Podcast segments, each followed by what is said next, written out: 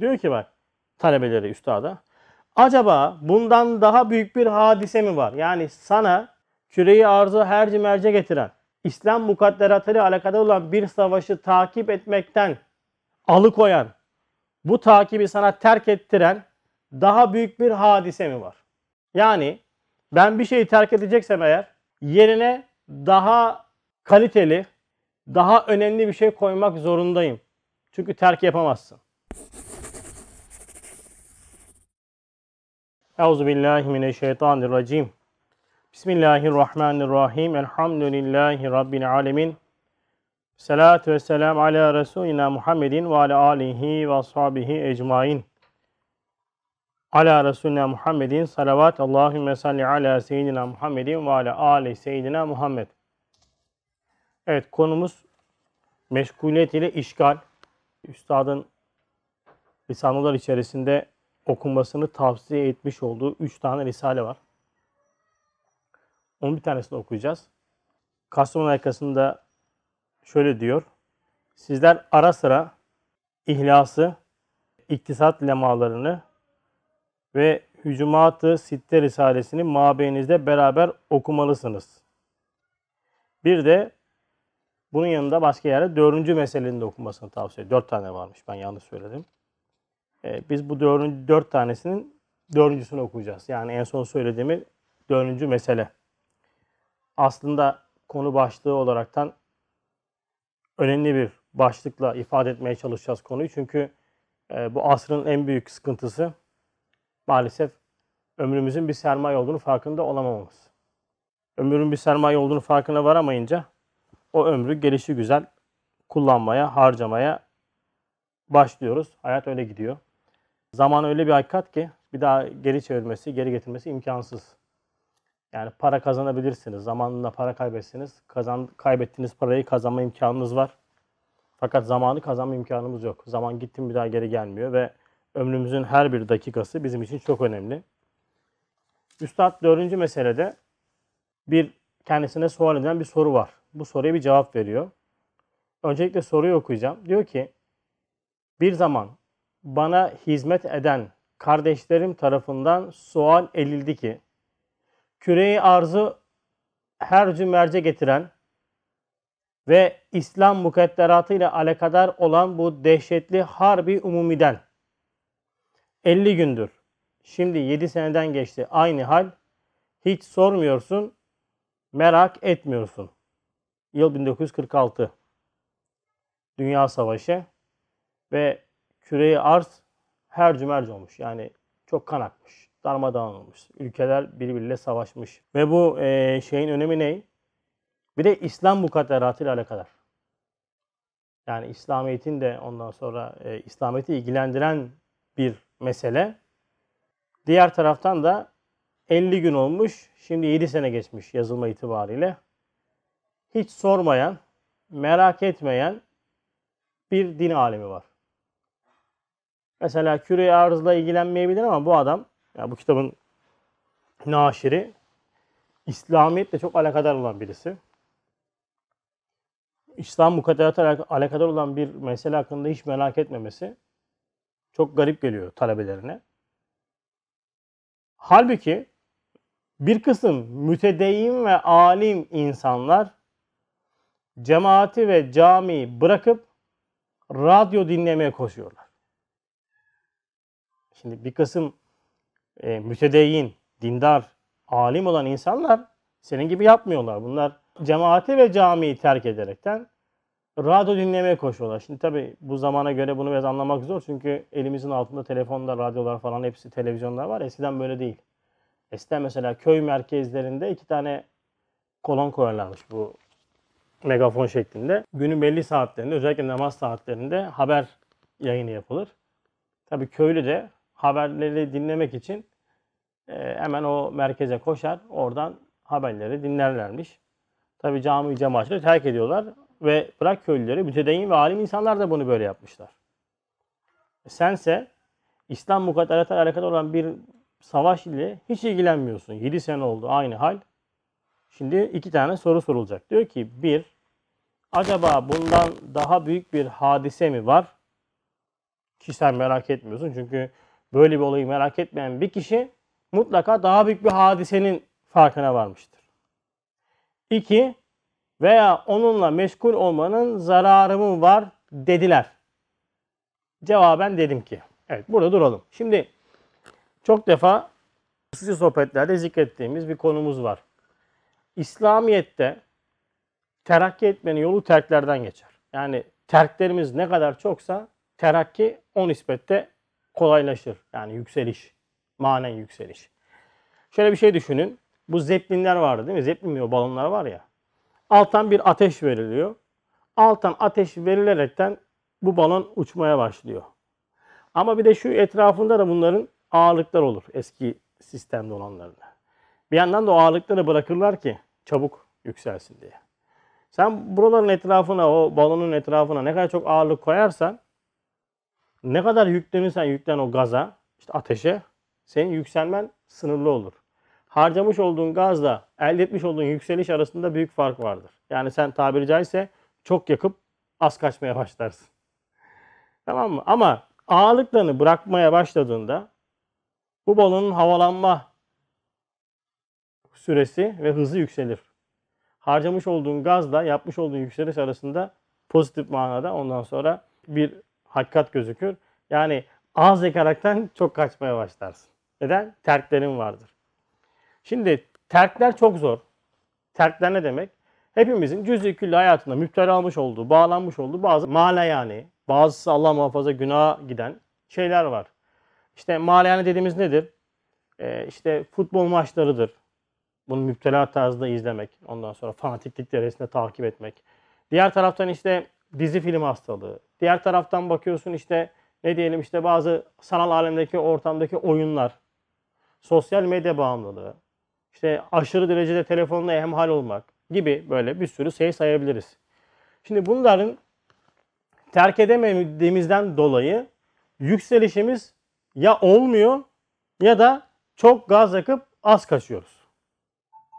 Evet okuyoruz, sohbete katılıyoruz, kitap okuyoruz ama bakıyorsun değişim olmuyor. Çünkü neden? Terk yok. Peki terkleri yapmakta zorlamamızın sebebi ne? İşte bu cevap burada yatıyor. Diyor ki bak talebeleri üstada.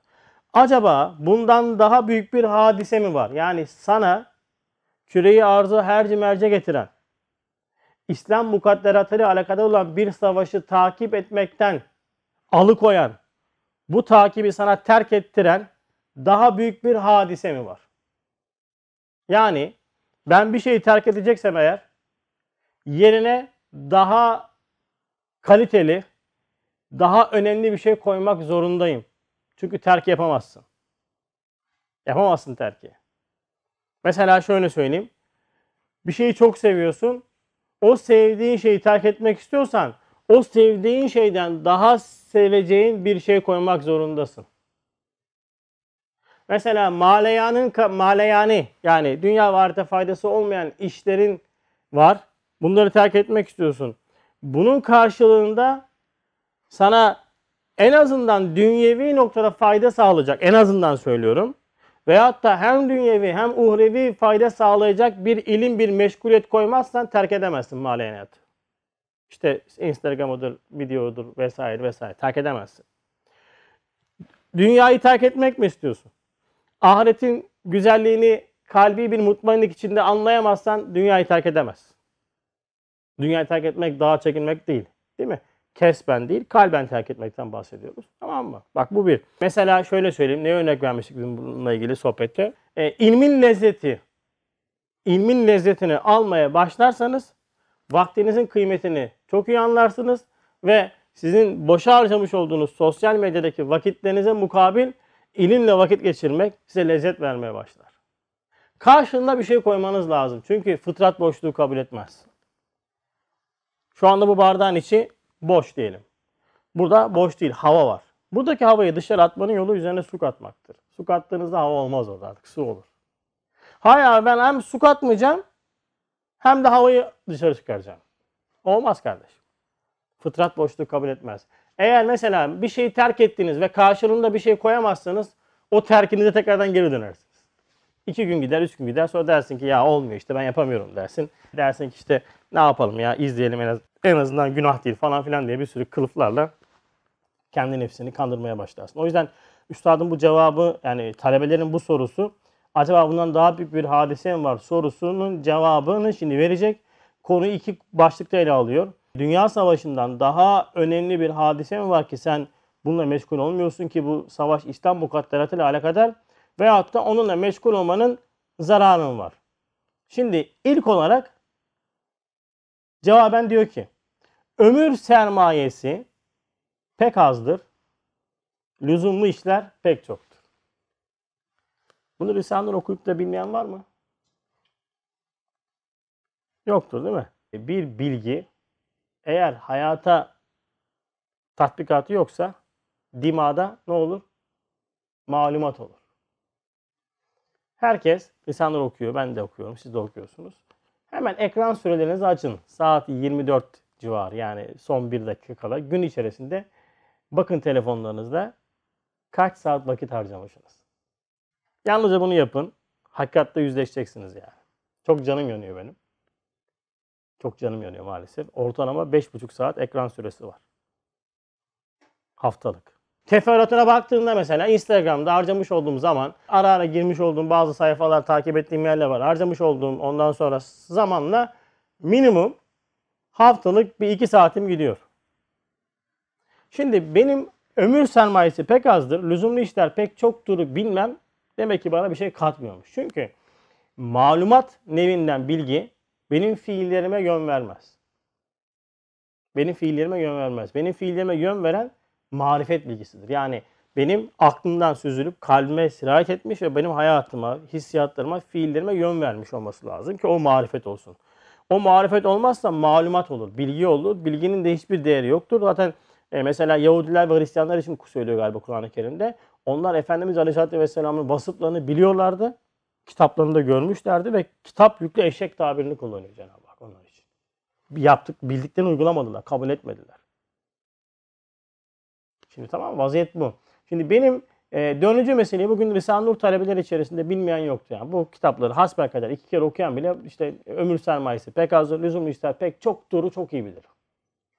Ama girin kelli felli abilerin Facebook sayfalarına ondan sonra paylaşımlarına bakın. Buram buram siyaset kokar. Buram buram siyaset kokar. Maalesef. Her zaman da ben söylerim 18 ile 40 yaş arası hissiyat, 40 ile işte 60 yaş 70 arası ondan sonra siyaset en büyük imtihanımızdır biz. Biliyor mu? Biliyor. Çok sadakat ehli mi? Evet öyle zannediyor. Kendini öyle pazarlıyor, öyle anlatıyor. Düz okuman lazım diyor. Bir şey katlama, açıklamaman lazım diyor. Sadakatsizlik yapıyorsun diyor. Ama Risale-i Nur içerisinde üstadın en çok uyarmış olduğu siyaset hastalığına kapılmış farkında değil. Geçen öyle paylaştım. Zaten altına bizim logoyu da koymadım. Millet alır kullanır diye. Sonra üzerimize e, saldırırlar diye. Yani düz okumak hiç ilgi çekmedi. Siyasetin vermiş olduğu zarar kadar yani. Siyasetin vermiş olduğu zarar özür diliyorum. Düz okumak kadar ilgi çekmedi yani. Utanmasak parti rozeti takacağız yakamıza. Maalesef durum bu. Hadi mesela seversin. İyi de çok takip etmezsin. Her meseleyi biliyorlar yani. Bakıyorsun. Kelli felli adamlar. Yıllarını hizmete vermiş insanlar bunların birçoğu yani. Yorumlara bakıyorsun. Üstad diyor yani boğazlar hakkında bir boş boğazlığını bir mesele soruyor.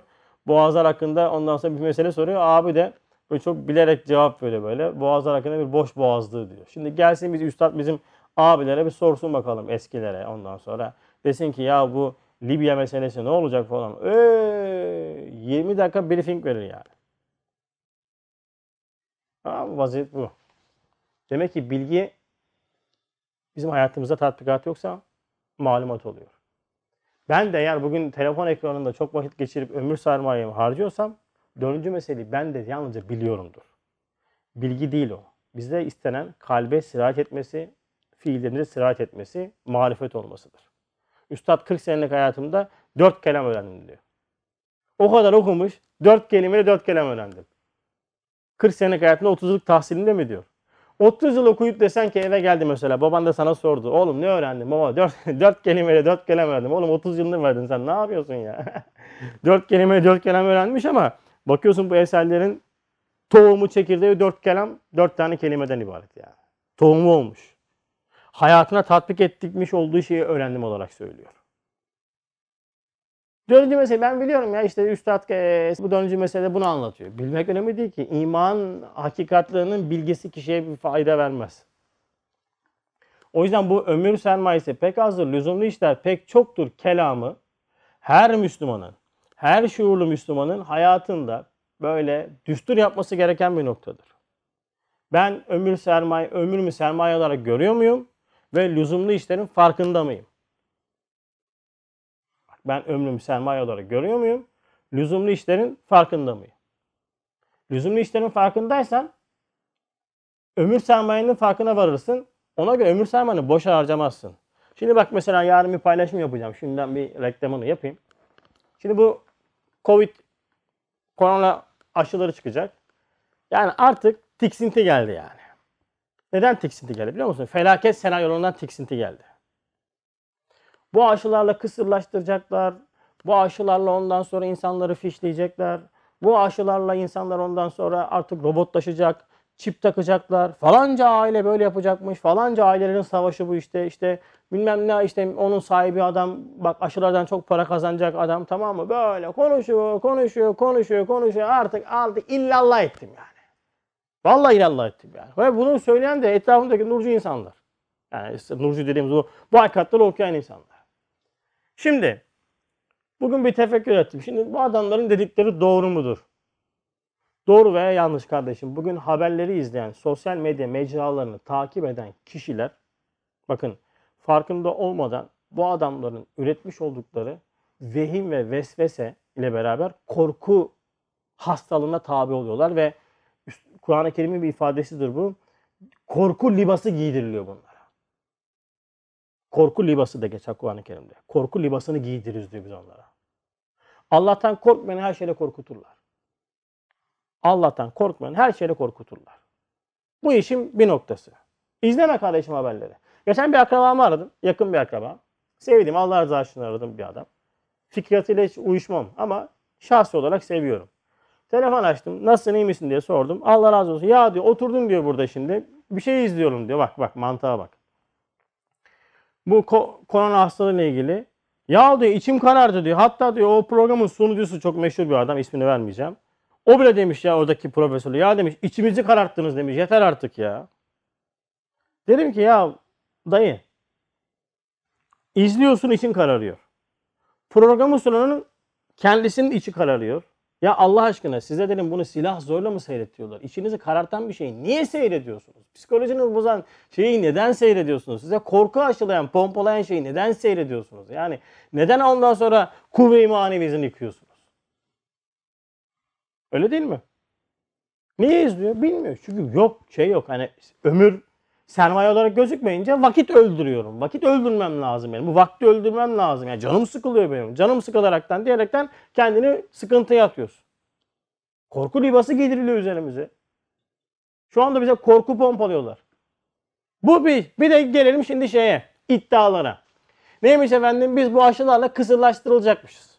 Bak kardeşim sana bir şey söyleyeyim mi? Yani şahsi dini hayatı, aile hayatı, kendi fikriyatında çok muvazenesiz bir toplum olduk maalesef.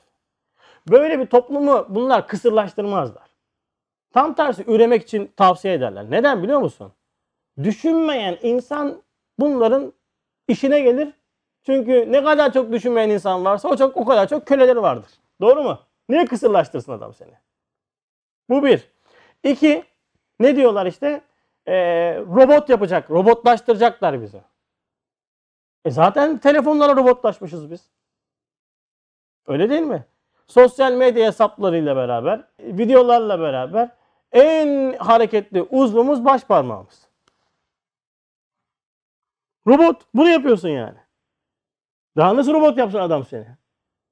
Düşünme yok, tefekkür yok, ondan sonra muvazene yok, sürekli gülüyor diye sürekli gülen, zombi gibi hayat yaşayan bir robot olmuşsun sen. Daha ne, nasıl robot yapsın ki seni? Para harcamadım ekstradan. Gerek yok. Sonra gel gelelim e, işte ne diyorlar bir noktadan Çip takarak yönlendirecekler bizi. Vallahi para harcamazlar. Gerek yok ki. WhatsApp'a bir tane sesli mesaj atıyor adam. Gizemli bir ses kaydıyla. Facebook'a. Facebook'ta bizim 50 yaş üstü amcalarımız her gördüğünü paylaşıyor ya. Bir de WhatsApp'ta da aman bunu dağıtın, bunu dağıtın, bunu dağıtın. İşte eee, çok önemli bir bilgi elde ettik. Bu gizli bunu herkese paylaşın. Bak bu mesajla beraber dolaşıyor. Sonra diyorsun ki beni yönlendirecekler. Ulan nasıl yönlendirsin adam? Niye para harca sana çip takıp mesela neyine çip takacak? Beyin yok ki çip taksın adamda yani. Adam zaten yönlendiriliyor. Bir Facebook mesajı öyle değil mi? Bir WhatsApp mesajı da seni zaten yönlendiriyor. İstediği gibi yönlendiriyor seni. Niye harcasın seni boşu boşuna? Ya kardeşim sen söyle bırak ya uğraşma. Ya ailene hüküm geçiremiyorsun. Aile içerisindeki problemleri çözemiyorsun. Yok efendim işte falancanın şirketin kurucusu tamam mı böyle bir şey yapmış. Ha kimsenin kafası basmadı da senin kafan bastı. Diyor ki insanları algılarla yönetecekler. Daha nasıl yönetsinler? Kimsenin yani bugün siyaset bataklığına düşmüş kişilerin izlemiş olduğu iki tane kanal vardır. Ya muhalif ya taraf. Taraf olanlar A'yı izliyor, olmayanlar C'yi izliyor. İkisi de yönlendiriliyor. Üstad diyor nefesi zehirli kişiler diyor. Ne demek nefesi zehirli? Düğümleri üflerler. Düğüm ne? E, mikrofon. Al sana düğüm işte. Düğümü üflüyorum ben şu anda. Sen de beni sürekli takip ediyorsun. A'yı izleyenler bakıyorsun fanatik. C'yi izleyenler bakıyorsun ki muhalefette fanatik. Hangisinin düşüncesi kendine ait? E hiçbirisinin. Kardeşim zaten adam bunu yapıyor ki niye senin için tonlarca para harcasın yani? Ha, para kazanıyor aşıdan işte. Kazanıyor kazanıyor. Ama ya kardeşim gerek yok böyle şeyler pompalamıyor. Aman o olacak işte bilmem ne aile yok. Rockefeller'ler yok bilmem Rothschild'ler bilmem ne bilmem ne. Ya- Yani ya Allah'ın da bir hesabı var. Allah'ın bir planı var. Bütün planlar, bütün planların hepsi, bütün tuzakların hepsi Cenab-ı Hakk'ın tuzağının bir parçası. Bunu unutmayacağız. Biz işimize bakacağız. Vaktimiz çok az. Dünyaya geliş gayemize göre yaşamıyoruz. Vakit kalmıyor sonra, enerjin kalmıyor, kitap okuyacak halin kalmıyor, derse gelecek halin kalmıyor. Ekstra bir şey yapacaksın, elini kımıldayacak halin yok. Niye? E, fatura ödüyorsun. O yüzden ömür sermayesi pek azdır, lüzumlu işler pek çoktur. Kelamı kendini vahyin terbiyesine sokmuş ciddi bir Müslümanın şuurudur. Ama biz şu anda vaktim gitsin param gitmesin deriz yani. Vaktim gitsin param gitmesin. Para çok önemli. Her gün haber izlersin. Bir saatin gider ama bir tane kaza namazı kıl desem 20 rekatta işte toplam 25 dakika sürecek. Bir günlük kaza namazı kıl desem vaktim yok dersin. Ama her gün haber izlersin. Tartışma programlarını her gün izlersin. Ona vaktin vardır. Ama toprağa girdiğimizde hesap kitap açıldığında bize izlemiş olduğun haberlerin yorumları veyahut da spikerlerin yapmış olduğu yorumlar sana sorulmayacak. E, ne yapıyorsun? Çünkü vaktin gidince vaktin kalmıyor, enerjin kalmıyor. O yüzden çok dikkatli olmamız lazım. Dairemiz içerisinde de aynı şekilde. Bakın telefonlarla meşguliyet, sosyal medyayla meşguliyet haddi geçince enerji düşmesi yaşıyoruz. Okumalarımız azalıyor, istifademiz azalıyor vesaire vesaire. Herkes kendi hayatında bunun tatbikatını yapsın ki ben de bu işin içerisinde olan bir insanım yani. Ne zaman ki uzaklaştırmışım elhamdülillah 10 numara okuma oluyor, istifade oluyor. Ne zaman yakınlaşmışım telefon yanımda olsun kitap okuma orayı, oranı hem sayfa bazlı hem de istifade noktasında düşüyor. Dün işte o hafta sonu okuma programı yaptık. Telefonu yukarı baktım aşağı indim. Su gibi akıyor. Yukarı çıkıyorum telefon yanında. Yok mesaj geliyor. Ona bakayım buna geleyim. Ya hizmetlerim hizmetleri diyerek de hop zaman gidiyor yani. Al bir daha geri ge- getir zamanı getiremezsin. Evet, ömür sermayesi pek azdır, lüzumlu işler pek çoktur. Birbiri içinde mütedail daireler gibi her insanın kalp ve mide dairesinden ve ceset ve hane dairesinden, mahalle ve şehir dairesinden ve vatan ve memleket dairesinden ve küreyi arz ve nevi beşer dairesinden tut, tazi hayat ve dünya dairesine kadar birbiri içinde daireler var. Şimdi daire düşünün şöyle. Birinci daire kalp ve mide. Bir öteki daire aile hayatı, sonra mahalle ve şehir, ondan sonra ülke, sonra dünya vesaire böyle halkalar düşünün tamam mı? En merkezde kalp ve mide dairen var senin. Kalp senin maneviyatına bakar. Mide de senin maddiyat gelirine bakar. İşte kazancın, emeklerine bakar. Ama kalp senin maneviyatına bakar. Birisi mülktür, birisi melekuttur. Yani birisi senin maneviyatın, birisi de senin dünya içerisindeki meşguliyetindir. Kalp ve mide dairesi en en dar daire. Seni en çok alakadar eden daire. Ama diğer bir daireye geldin. Ne çıkıyor bu dairede? Ceset ve hane. Bu sefer hem cesedinle hem de haneyle alakadarsın. Ya eşinle, çoluğunla, çocuğunla alakadarlığın var. Bir daire daha yaptık üzerine. Tamam mı? Mahalle ve şehir. Bir daire daha yaptık. Vatan, memleket. Bir daire daha yaptık. Küreye arz ve böyle daireler gidiyor. Şimdi bu daireler bizim hep alakamız var. Alakamız var. İnsanız çünkü. Hayvan değiliz. Mesela dünyadaki korona ile alakadar olduğumuz gibi Türkiye'deki korona oranlarıyla alakadarız. Değil mi? Misal veriyorum. En yakın şu anda yaşadığımız problem. Mesela ülkemizi düşünürken alem İslam'ı da düşünüyorsun. Değil mi? Bak alakadarız. Şimdi her bir dairede her bir insanın bir nevi vazifesi bulunabilir. Evet var mı? Var. Fakat en küçük dairede bak en küçük dairede yani kalp ve mide dairesinde en büyük ve ehemmiyetli ve daimi vazife var. Ve en büyük dairede yani vatan, millet, gel biraz daha yukarı dünya, küreyi, arzı ilgilendiren o geniş dairede muvakkat, en küçük muvakkat ara sıra vazifeler var. Mesela vatan, milletle ilgili benim vazifem ne zaman? Evet, seçimlerde 5 senede bir. Veyahut da vergi zamanları vergi veriyorum. Ondan hariç idareye karşı benim yapabileceğim bir şey var mı? Soran var mı? Takan var mı? Müdahalem var mı? Yok. Yok. Ama kalp ve mide daireme var. İşkembemi dol- doldurmak zorundayım. Maneviyatımı muhafaza etmek zorundayım. En geniş dairede ara sıra geçici en küçük vazife var.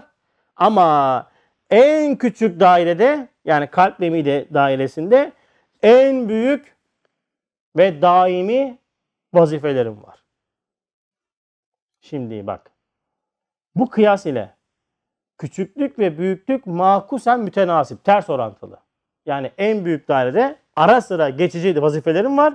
En küçük dairede en büyük ve sürekli devamlı vazifelerim var. Makusen mütenasip, ters orantılı. Fakat büyük dairenin cazibedarlığı cihetiyle küçük dairedeki lüzumlu, ehemmiyetli hizmeti bırakıp lüzumsuz, malayani, afaki işlerle meşgul eder. Amerika başkanı ne olacak? Bidon mu olacak? Testi mi olacak? Sana ne ya? Sana ne abi? Ya olur mu? Bilmemiz lazım. Ya Bush'u bildiğinde ne oldu? Obama'yı bildiğinde ne oldu? Ne kattı sana yani? Zaten şu anda hasta oluyorum. Bak şimdi ben bunu haber izlemeyin deyince otomatikman bizim e, Türk refleksi şöyledir. Kardeşim bu haberleri izlememek lazım. Çünkü bizim vazifemiz farklı. Biz e, kendimize ait başka vazifelerimiz var. Onları yerine getirmemiz lazım. Böyle marifetullah çalışmaları, iman eğitimi vesaire falan. Bu haberleri falan takip etmemiz lazım. Aynen. Yani hiçbir şeyden haberimiz olmasın mı? Ya Allah aşkına zaten hiçbir şeyden haber olmadan durabilir misin bu Türkiye'de yani? Duramazsın. İlla kulağına bir şey gelecek. Benim söylemiş olduğum sürekli ibadet kastı gibi takip etme. İyice de haberler var. İyice de haberler var. şey yani sen söyle namaz vakti gibi. İyice de haberler var. Ya gecede haberlerin olması senin izlemek gerektirimli ki ezan değil ki mübarek bu. Ya tamam takip et. Ama yani gidip de farklı bir te- televizyon kanalında işte bidonun seçilmesiyle Türkiye-Amerika ilişkileri ne olur? Vallahi ne bileyim ne olur. Pek de iyi olmayacağı garanti çünkü adamlar bizi sevmiyorlar. yani bundan önceki de ondan sonra sevmiyordu. Ondan önceki de sevmiyordu. Çünkü e, küfür tek millettir. Sevmezler, sevmeyecekler seni kardeşim. Sarılacak mı sana yani? O adam seni sevmeyecek belli. Çünkü adamın fikriyatına tersin sen. Zaten severse problem. Kesinlikle ehli küfür seni sevmez.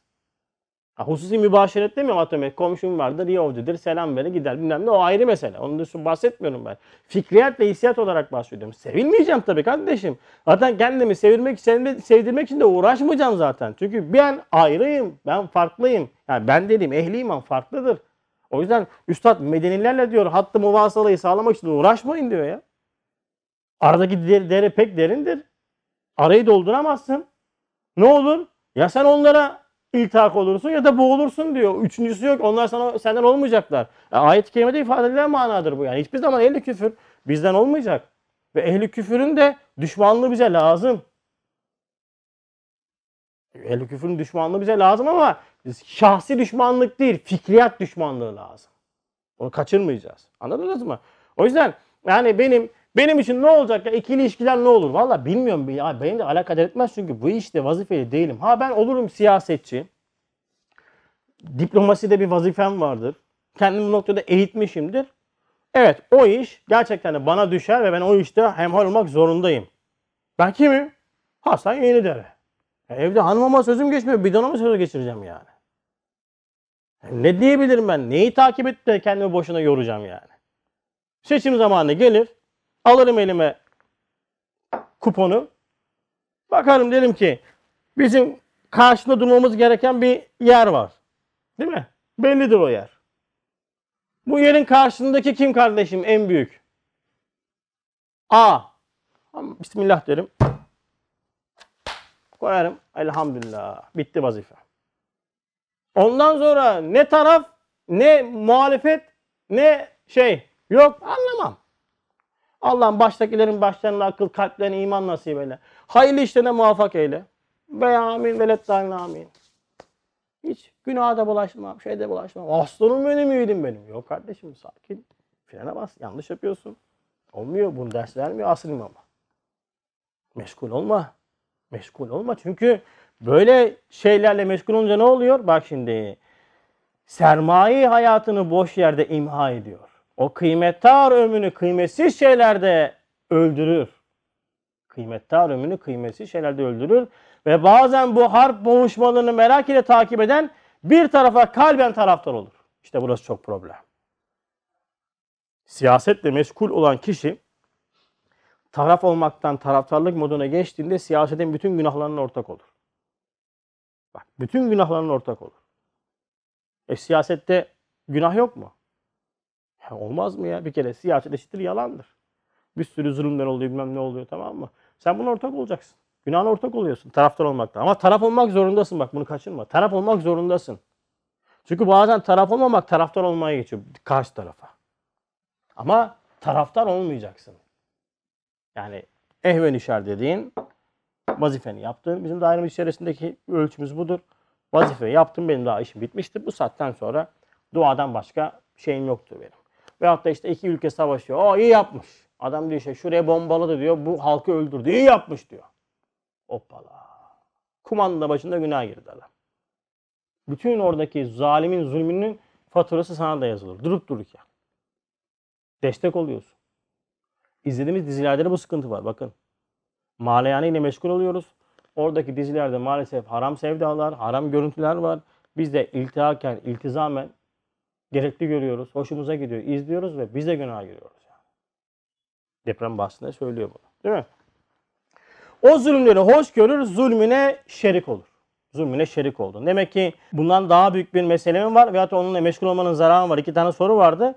Onunla meşgul olmanın zararı neymiş? Bu soruya cevap verdi önce. Dedi ki en dar dairedeki kalp ve mide dairesindeki vazifelerimden beni geri bırakıyor. Bir, bu vazifelerden geri bırakaraktan ömür sermayemi boşa harcıyorum. İki, maleyani işlerle meşgul olduğundan dolayı esasata vaktim kalmıyor. Üç, ve bazen bu boğuşmaları takip ederken o zalimin zulmüne şerik oluyorum, ortak oluyorum. Dört. Demek ki bunun zararı buymuş. Şimdi soru bir.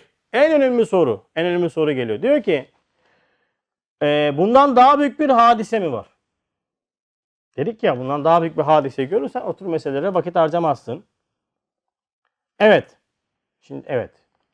Bu cihan harbinden daha büyük bir hadise ve bu zemin yüzündeki hakimiyeti amme davasından yani bu zemin yüzündeki hakimiyeti amme davasından yani hakim olma, oraya sahip çıkma, burası bizim demekten daha önemli bir ve ehemmiyetli bir dava.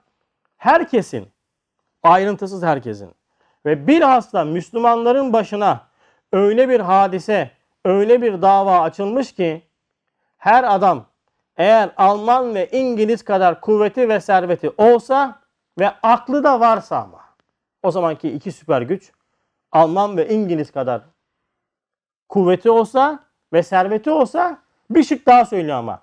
Aklı da varsa o tek davayı kazanmak için bila tereddüt yani tereddütsüz şekilde ne yapacak? Bütün her şeyini bu davayı kazanmak için sarf edecek. Peki o dava ne? İşte o dava ise 100 bin meşairi insaniyenin ve hadsiz nevi beşerin yıldızları kim bunlar? Bunlar pop yıldızı değil ha. Dikkat edin yani. O dava 100 bin meşairi insaniye. Bu davayı kim haber vermiş? Mesela size bir haber getiren birisinin kalitesi, güvenilirliği haberi de güvenilir hale getirir.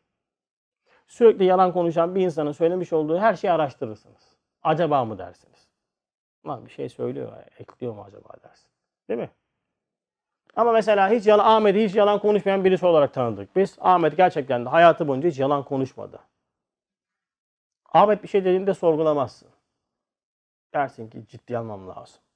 Şimdi bir davadan bahsetti burada. Bu davanın arkasında bu davayı haber veren diyor 100 bin meşair insaniye ve hadsiz nevi beşerin yıldızları ve mürşitlerin müttefikan. Mürşitler de bunu söylemiş. Kim bunlar? 124 bin e enbiya yani peygamber. Ve son peygamber Efendimiz Aleyhisselatü Vesselam. Bütün peygamberlerle beraber son peygamber Efendimiz Aleyhisselatü Vesselam ne yapmış? Bu davayı haber vermiş. Yalan olma ihtimali var mı? Haşa. Bununla beraber bu davayı 124 milyon evliya ve asfiya haber vermiş. Bu kadar güvenilir insana haber vermiş. Sonra mürşitler haber vermiş. İnsanları irşad eden, vahyin ve sünnetin terbiyesinden geçen ve insanları irşad eden insanlar da haber vermiş. Ve neye dayanarak bunu söylüyorlar? Değil mi? Sen bir haber duyunca ne yapıyorsun? Nereden duydun? Kaynağını soruyorsun. Kainat sahibinin ve mutasarrıfının binler vaat ve ahdlerine istinaden haber verdikleri. He, bu adı bu zatlar ne yapmışlar? Nereden haber veriyorlar bunu? Kainat sahibinden haber veriyorlar. Yani Cenab-ı Hak'tan haber veriyorlar. Onun kitaplarından haber veriyorlar. Son kitap olan Kur'an-ı Kerim'den haber veriyor Efendimiz sallallahu aleyhi ve sellem. Ve bir kısmı gözleriyle gördü. İşin şeyi boyutu bu. Bir haber var. Bu haberi veriyor. Bir de bir kısmı gözüyle görüyor bu dehşeti, bu davanın ne kadar önemli bir dava olduğunu. Şimdi bak. Neymiş o dava? Herkesin iman mukabilinde. Bu zemin yüzü kadar bağlar ve kasırlar ile müzeyyen ve baki ve daimi bir tarla ve mülkü kazanmak veya kaybetmek davası başına açılmış. Eğer iman vesikasını sağlam elde etmezse kaybedecek. Ya işte dava bu. İman vesikasını sağlam elde etmezsek son nefesteki davayı kaybetme ihtimalimiz var. Bakın Efendimiz Aleyhisselatü Vesselam buyuruyor ki bir kimse diyor son nefesteki akıbeti yani ben son nefeste imanla kabre girelim veya da giremem endişesi noktasında defne yaprağı gibi diyor titremezse o kişinin diyor akıbetinden endişe edilir. Korkmamız lazım.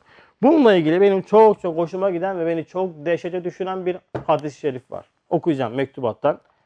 Çok böyle gerçekten de e, hepimizin böyle çok ciddi şekilde üzerine durup düşünmemiz lazım olan bir hadis-i şerif, e, bir mucize. Hem nakli sayı ile Ebu Hureyre ve Huzeyfe gibi mühim zatlar bulunduğu bir heyette. Kim var? Ebu Hureyre ve Huzeyfe gibi ekabiri sahabe denilen radıyallahu anh ecmain. Yani sahabeden arasında da değil mi derece farkı var.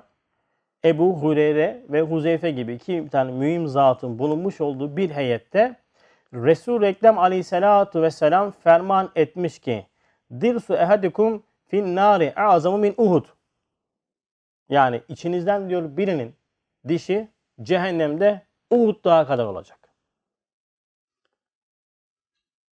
Kim, kime söylüyor bunu? Bir heyet var. Sohbet esnasında. O heyette de Ebu Hureyre ve Huzeyfe gibi iki tane mühim sahabe var. Bu hadis-i şerif söyleniyor yani içinizden birisinin cehennemde dişi Uhud dağı kadar olacak diye birisinin iltidadıyla müthiş akıbetini haber vermiş. Birisi dinden dönecek arkadaşlar. Biri dinden dönecek. Yani Resul-i Ekrem Aleyhisselatü Vesselam'ı görüp dinden dönülür mü? Biri dönecek. Çünkü haber kesin. Efendimiz sallallahu aleyhi söylemişse in huve illa vahyun yuha. O yalan konuşmaz. Vahiy üzerine konuşur. Ki mucizenin temelinde o var. Gaybten haber vermesi Allah'ın izniyle.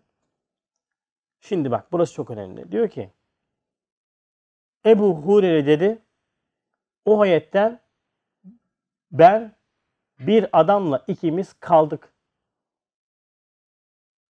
Şimdi bu heyet içerisinde Efendimiz sallallahu aleyhi ve sellem söylemiş olduğu o hadis-i şerif söyledikten sonra o heyet içerisindeki kişiler vefat ettiler. Hepsi de imanla gittiler.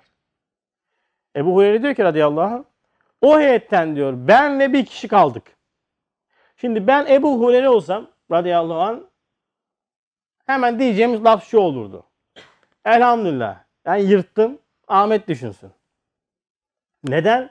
Çünkü Ebu Hureyre'nin künyesini söyleyelim. Bakın. Ashab-ı Suffa'nın demirbaşı. Efendimiz sallallahu aleyhi ve sellem'in hemen mescidinin yanında bulunan Ashab-ı Suffa'da özel eğitim alan tabiri caizse vahiy ile emhal olan bir zat. Sonra Efendimizin duasına mazhar olmuş. Cenab-ı Hak ona unutmayı unutturmuş. Sonra en çok hadis rivayet eden sahabe. Böyle bir terbiyeden geçen bir zat diyor ki ben olsam Ebu Hureyre olsam ne olurum radıyallahu anh derim ki biz yırttık yani. Ahmet sen yüksek ihtimal cehennemliksin kardeşim. E ben elde ancak halim yok. Ebu Hureyre'yim ben. Derim olsam. O yüzden Ebu Hureyre olamıyoruz ya işte olamayız imkansız kafa yapısıyla. Bak Ebu Hureyre diyor ki o ayetten ben bir adamla ikimiz kaldık. Ben korktum. İşte bize lazım olan bu. Bak ben korktum. Ya ben korktum diyor yani. Sonra öteki adam Yemame Harbi'nde Müseylime tarafında bulunup yalancı peygamberler safına geçiyor. Peygamber safına geçiyor. Diğer adam. Ya böyle mi şerit değiştirir insan? Değiştirir kardeşim. Allah nefiste baş başa bırakmasın. O yüzden nebevi bir duadır yani. Ya Rab bizi göz açıp kapayıncaya kadar nefisle baş başa bırakma diye Efendimiz sallallahu bir öğreti yapıyor bize. Yani insanın içeriği böyledir yani. Her an insan yalpa yapabilir yani. Buradasın şak diye oraya geçersin yani. Nasıl olur? Olur ya. Bir andalık bir Allah nefisle baş başa bıraktığında emin olun ki öyle bir şerit değiştiririz ki cehennem zebanesi oluruz ya. Sakın ha bulunduğumuz yer bizi aldatmasın. Önemli olan bulunduğumuz yer değil, bitireceğimiz yerdir. Burada bulunabiliriz. Şu anda kürsüde olabilirim, kafada takki olabilir. Belki de yarın öbür gün Allah muhafaza başka yerde olurum yani. Nefisle baş başa kaldığımızda bu potansiyel hepimizde var. E bugün burada açacak Cenab-ı Hak bizi burada istihdam ettiği için buradayız yani.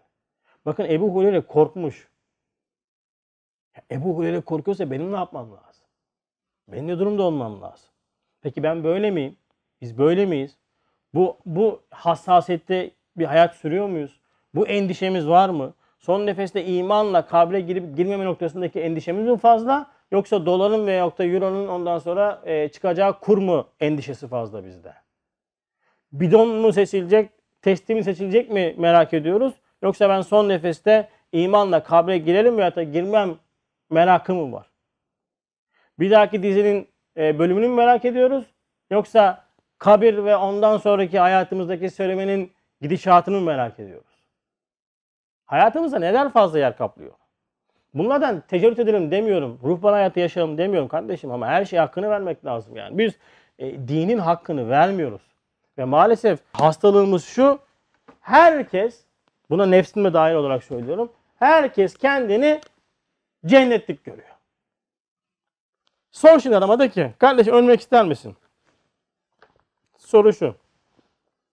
Ya hazır değilim yani. Eyvallah. Hazırlık yapıyor musun? Yok dizi izliyorum. Siyaset izliyorum. Hazır olmayan ne yapar?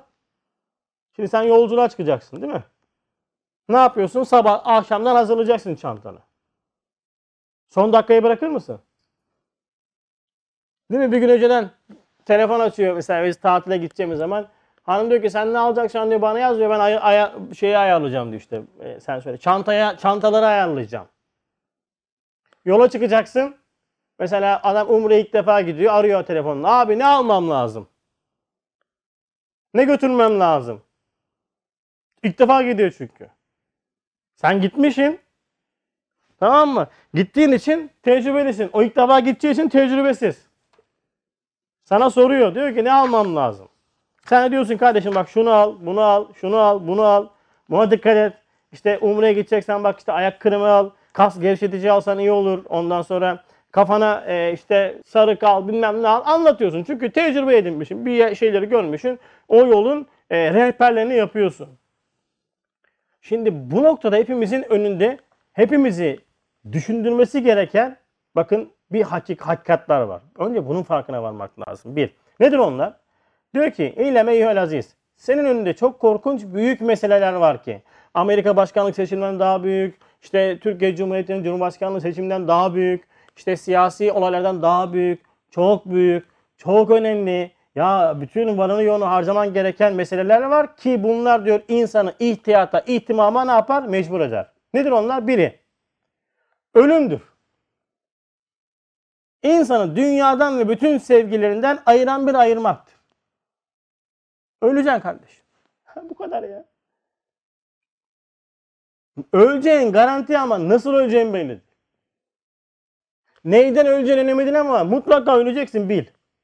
Ama önemli olan nasıl öleceğimiz. Bak çok önemli bu. Nasıl öleceğimiz. Ve bunun kimsenin garantisi yok. Rızkın garantisi vardır. Cenab-ı Hak vaat ettiği rızkı sana yazmıştır. Rızık kesiminden gitmezsiniz merak etmeyin. Benim her zaman ölçümdür bu. Tak böyle hasta olanlara bakarım. Ağır hastadır artık yememeye başlamışsa ama artık yavaş yavaş gitti gidiyor. Çünkü rızık kesilince hayat da biter. Tamam mı? Rızın garantisi varken ama son nefesteki iman garantisi kimsede yok. Ebu Hureyre korkmuş. E sen otur kardeşim bunlarla ilgilen ya. Artık yaşımız geçiyor, başımız geçiyor. Hayat hızlı akıyor. Zaman o kadar hızlı geçiyor ki ahir zaman alametinden bir tanesi o diyor değil mi? Ahir zamanda günler o kadar çabuk geçecek ki diyor ondan sonra. Seneler aylar gibi, aylar haftalar gibi, haftalar günler gibi, günler diyor kuru bir hurma ağacının yanması kadar diyor kolay geçecek. Bakıyorsun o cuma olmuş. Cumadan çıktık ders oluyor ya şimdi çalışıyorum 11. söze. Ona baktım hop yarın ha yarın salı. O iki gün sonra yine üç gün sonra yine ders. Birbirini kovalıyor. Sürekli zaman hızlı akıyor. Zaman hızlı akmıyor. Meşgule çok fazla olunca biz zaman hızlı görüyoruz. Çok fazla meşgulüz. Çok fazla işgal ediyorlar bizi. Meşguliyetle işgal ediyorlar bizi. Haberler, Amerika, o, futbol dizi, o, o, meşgul. Kafanı kaldıracak vaktin yok. Yani bir kaldırıyorsun bak akşam olmuş. Ama üç tane mesele var dedi bak senin. Bir ölüm. İkincisi ölsek bitsek sıkıntı yok. Öldüm bitti eyvallah. Hayır. Dehşetli, korkulu ebed memleketine yolculuğumuz var bizim. Her şey yeni başlıyor. bir şey bittiği yok. Dünya hayatı vefat ettikten her şey yeni başlıyor. 50 bin senelik bir mesafeden bahsediliyor ya. 50 bin senelik mesafe. Sen haş olup da haşir meydana gidene kadar o mahşer meydana gidene kadar 50 bin senelik mesafe. Buranın bin senesi oranın bir anı. Hesapla bakayım beynin basmaz yani.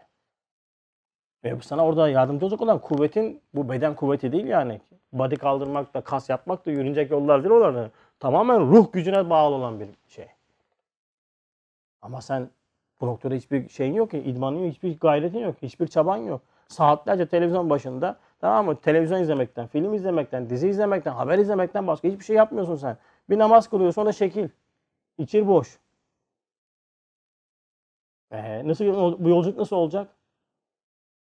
Nasıl diyeceksin ben Rabbike? Senin Rabbin kim diye sorduklarına neden? Rabbim Allah. Kitabım Kur'an. Evet slogan atma. Geçmiyor orada.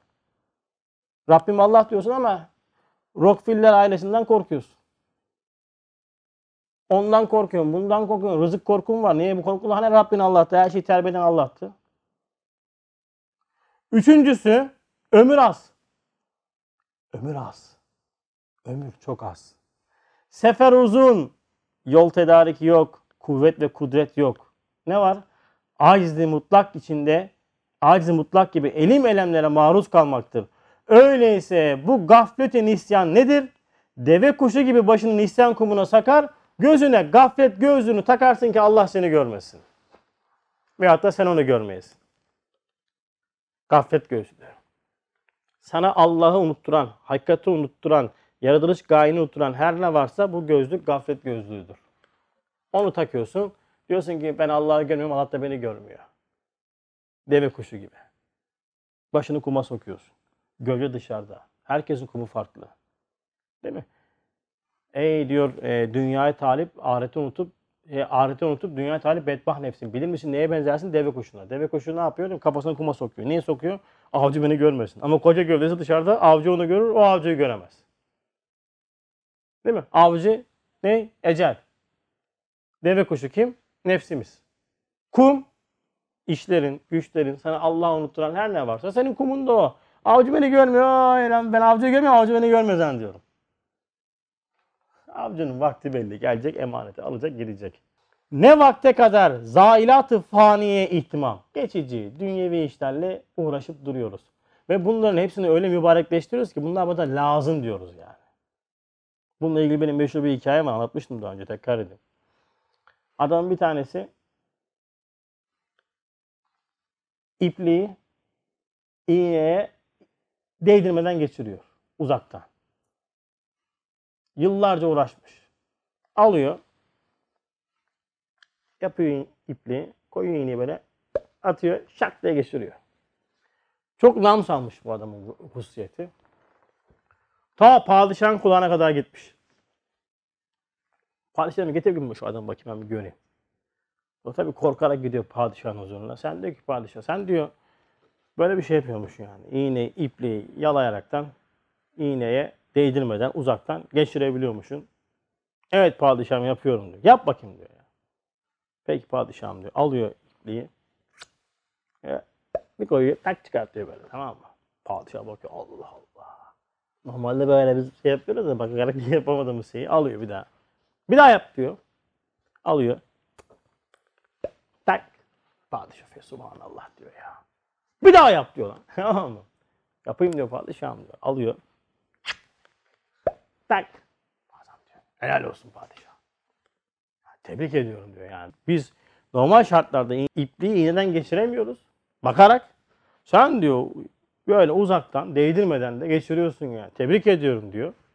Buna diyor bin tane altın verin diyor. Veriyorlar altını. Şimdi bunu alın diyor. Buna diyor bin de sopa vurun diyor. Adam altından onu sevin diyor. Sonra sopayı duyunca padişahım diyor altını anladık. Diyor bin tane sopa niye? Bak diyor. Bu iş diyor gerçekten de normal bir insanın yapacağı bir iş değil diyor. Yani ipliği al, değdirmeden geçir, tebrik ediyorum diyor. Bunun için kaç sene uğraştın? 19 sene diyor padişahım. Sana niye sopa vurduğunu biliyor musun? Bu kimin işine yarayacak? Kimin işine yarayacak? Kimin işine yaradı? E gülüyorsun ay sağlığa bak ona. E şimdi sen de Crash'ta işte hocam 300. şeye gelmek kimin işine yarayacak? PlayStation'da herkesi yendik. Kimin işine yarıyor? E, PUBG'yi de çok iyiyim ben. Kimin işine yarıyor? Kimin işine yarıyor yani? Ve biz farkında olmadan işte böyle şeylerle uğraşa uğraşa bakiyatı daimiden ne yapıyoruz? Tegafül ediyoruz. Vaktimiz kalmıyor abiler. Kitap okumaya vaktimiz kalmıyor. Kur'an okumaya vaktimiz kalmıyor. Dua etmeye vaktimiz kalmıyor. Kaza namazları var adamın. Borcu var. Kaza namazı. Buradan ta Edirne'ye yol yaparım ben o borçlarla. Tamam mı? Adamın hiçbir derdi yok yani. Hiçbir derdi yok adamın yani. Benim kaza borçlarımı öyle ödemem lazım. 20 dakikadır. 20 rekat 20 dakikadır.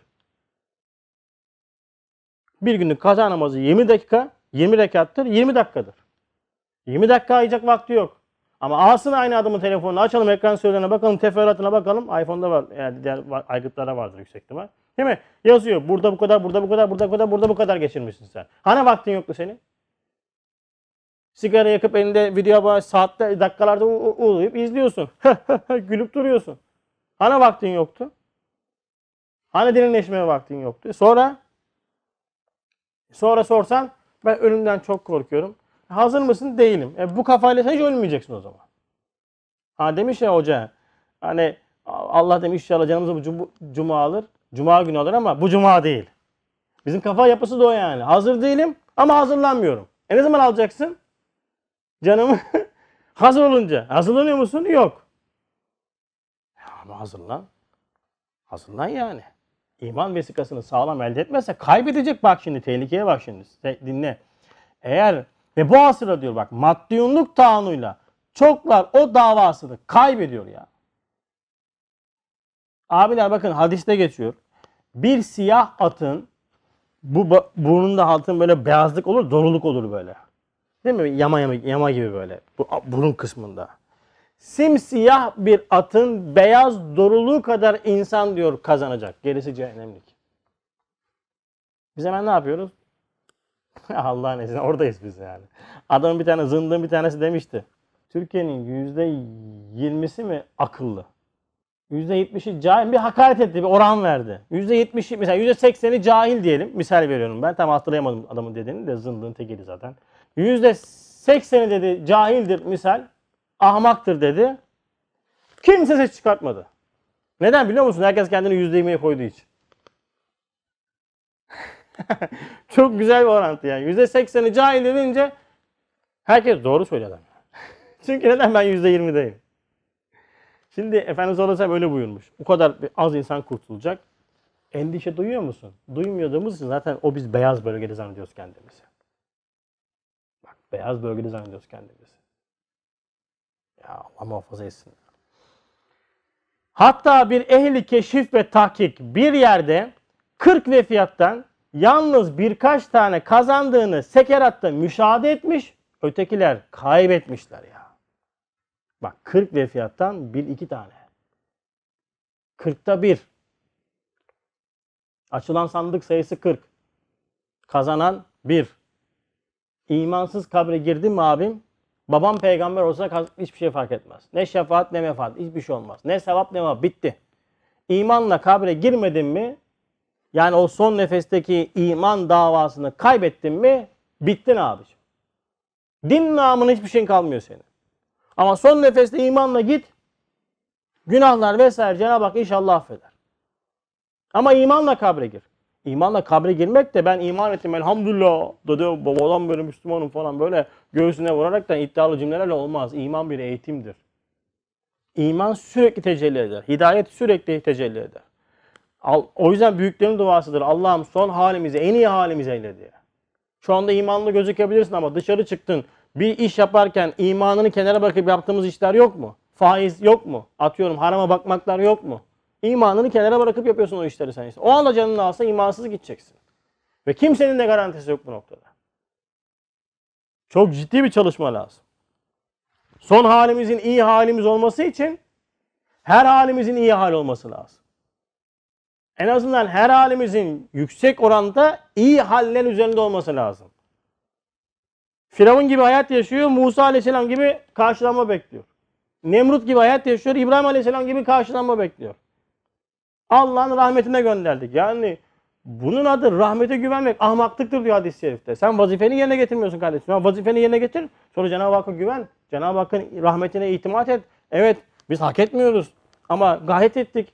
Kulluğumuzu yapmaya çalıştık. Kusurlarımız da çok. Beklentimiz de yok. Ama fazlını biliyoruz. Cenab-ı Hakk'ın cömertliğini biliyoruz. Rahmetini biliyoruz. Talep ediyoruz. Öteki türlü o yan genet Osman bir dönüm bostan ta şeye git ebedi istirahatgâhına uğradık. Zaten bütün dünya hayatı boyunca yattı adam zaten. 80 yıl boyunca yattı adam. Ne namaz ne niyaz ne iman ne e, sen söyle din. Adamın hiçbir alim demişe geçmedi. Bu adam ne ebedi istirahatgâhından bahsediyorsun kardeşim. Demiş hocam bir tanesi. Tahtalıköy dinlenme tesisleri değil ki orası her giden istirahat etsin. İstirahat yok. Bu dünyada istirahat edersen orada ettirirler. Etmezsen orada ettirirler. Sonra istirahat kime keyif verir? Bak Mahmut abi yorgun. Niye? Adam sabah erken kalkıyor, gidiyor, gidiyor değil mi? Uyum, uykusu var adamın. Yorgun adam. Bak Umut'a cin gibi. Niye? 12'de kalktı çünkü. Umut şimdi yatsa nasıl uyur? Uyuyamaz ki. Abi uyuyamıyorum ben diyor. Gece 2 yol uyuyam. Uyuyamazsın da 12'de kalkarsın uyuyamazsın. Kalk 6.30'da. Git bir işe. Öyle derler bize bir sırtın terlesin. Değil mi? Sonra o yatağa girer daha yürürken uyumaya başlarsın. Çünkü neden? İstirahat, bakın istirahat çalışan insana keyif verir. Yorulursun değil mi? Koltuğa oturuyorsun böyle. Oh diyorsun elhamdülillah ya. Çok şükür. İşte bu dünya hayatında böyle koşturursun. İlim hizmeti, iman hizmeti, Kur'an'ın, cevşenin, okumaların falan gayet edersin. Ya günahların da olur. Tabii kuluz hata yapacağız. Tövbe edersin. Ama gayret edersin. Bir oradasın, bir okuyorsun, cevşen okuyorsun, boş bırakmıyorsun falan. Yoruluyorsun. Dersler, mersler.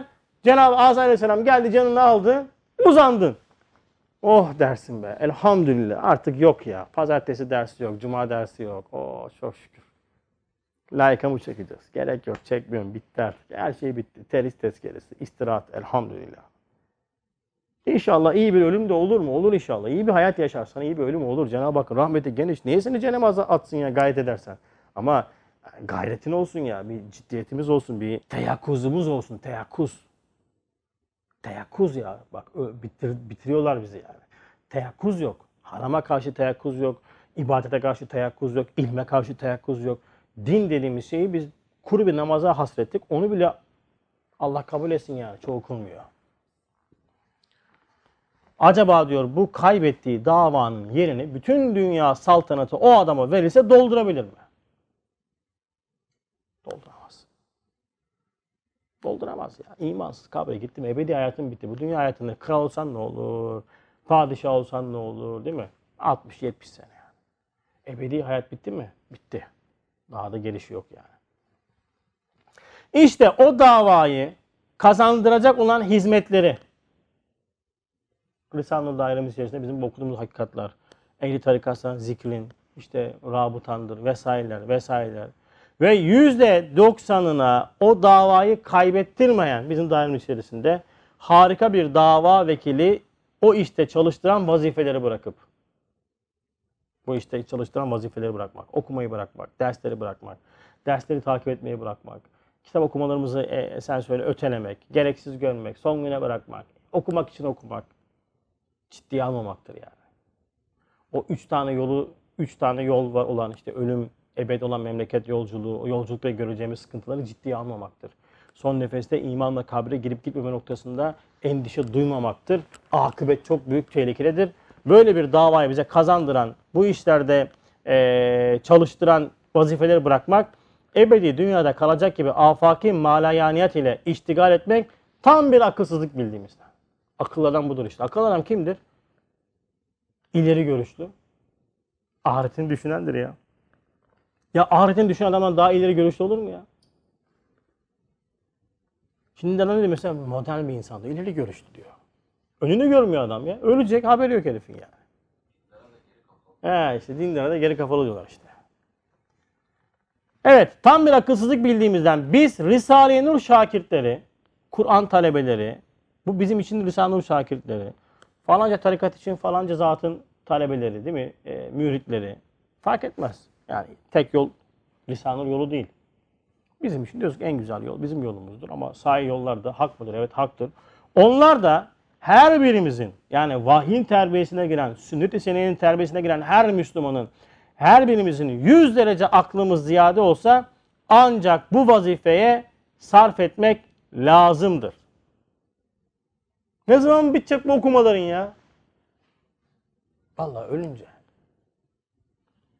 Ölünce de bitmeyecek inşallah. Kabire devam edeceğiz. Edelim. Ne güzel. İlim talebesi kabirde de terakkin olacak yani. Ama hep okuyorsun. Yani ne yapayım kardeşim okumam lazım. Çünkü hangi hal üzere ölmek istiyorsam o hal üzerine yaşamak için uğraşıyorum. Ölçü belli. Ölmek istemediğin yerde olma. Ölmek istemediğin halde, vaziyette durma. Ölmek istemediğin işler üzeri şeylerle meşgul olma ki ölüm geldiğinde seni ne yapsın? Güzel bulsun. Güzel yaşa ki güzel öl. Güzel öl ki güzel diril. Çünkü insan nasıl yaşarsa öyle olur, öyle ölür değil mi? Nasıl ölürse öyle dirilecek. Nasıl ölmek istiyorum? Nasıl yaşarsam öyle öleceğim. Yani nasıl yaşarsam öyle öleceksem öldüm hal üzere dirileceğim. O zaman ben ne yapmam lazım? Aklımı kullanmam lazım. Verilen vazifeleri yerine getirmem lazım. Yani çalışmak falan bunlar da olacak. E, nefsin beşte bir hissesi var. Harama girmedikten sonra cüz'i lezzetler de alabilirsin. Helal dairesi geniş. Bunları yap. Hayattan keyif alman engel değil ki senin. Elhamdülillah.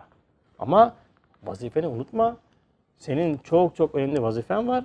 Ve seni bu vazifeden alıkoyan maalesef çoğu zaman maleyani işler, gereksiz takip ettiklerimiz, izlediklerimiz ve bu bizim enerjimizi düşürüyor ve biz farkında olmadan meşguliyetle işgal ediliyoruz. Cenab-ı Hak inşallah ömür sermayemizin kıymetini bilmeyi hepimize nasip eylesin. Son halimizi en iyi halimiz eylesin. Velhamdülillahi Rabbil Alemin. El Fatiha.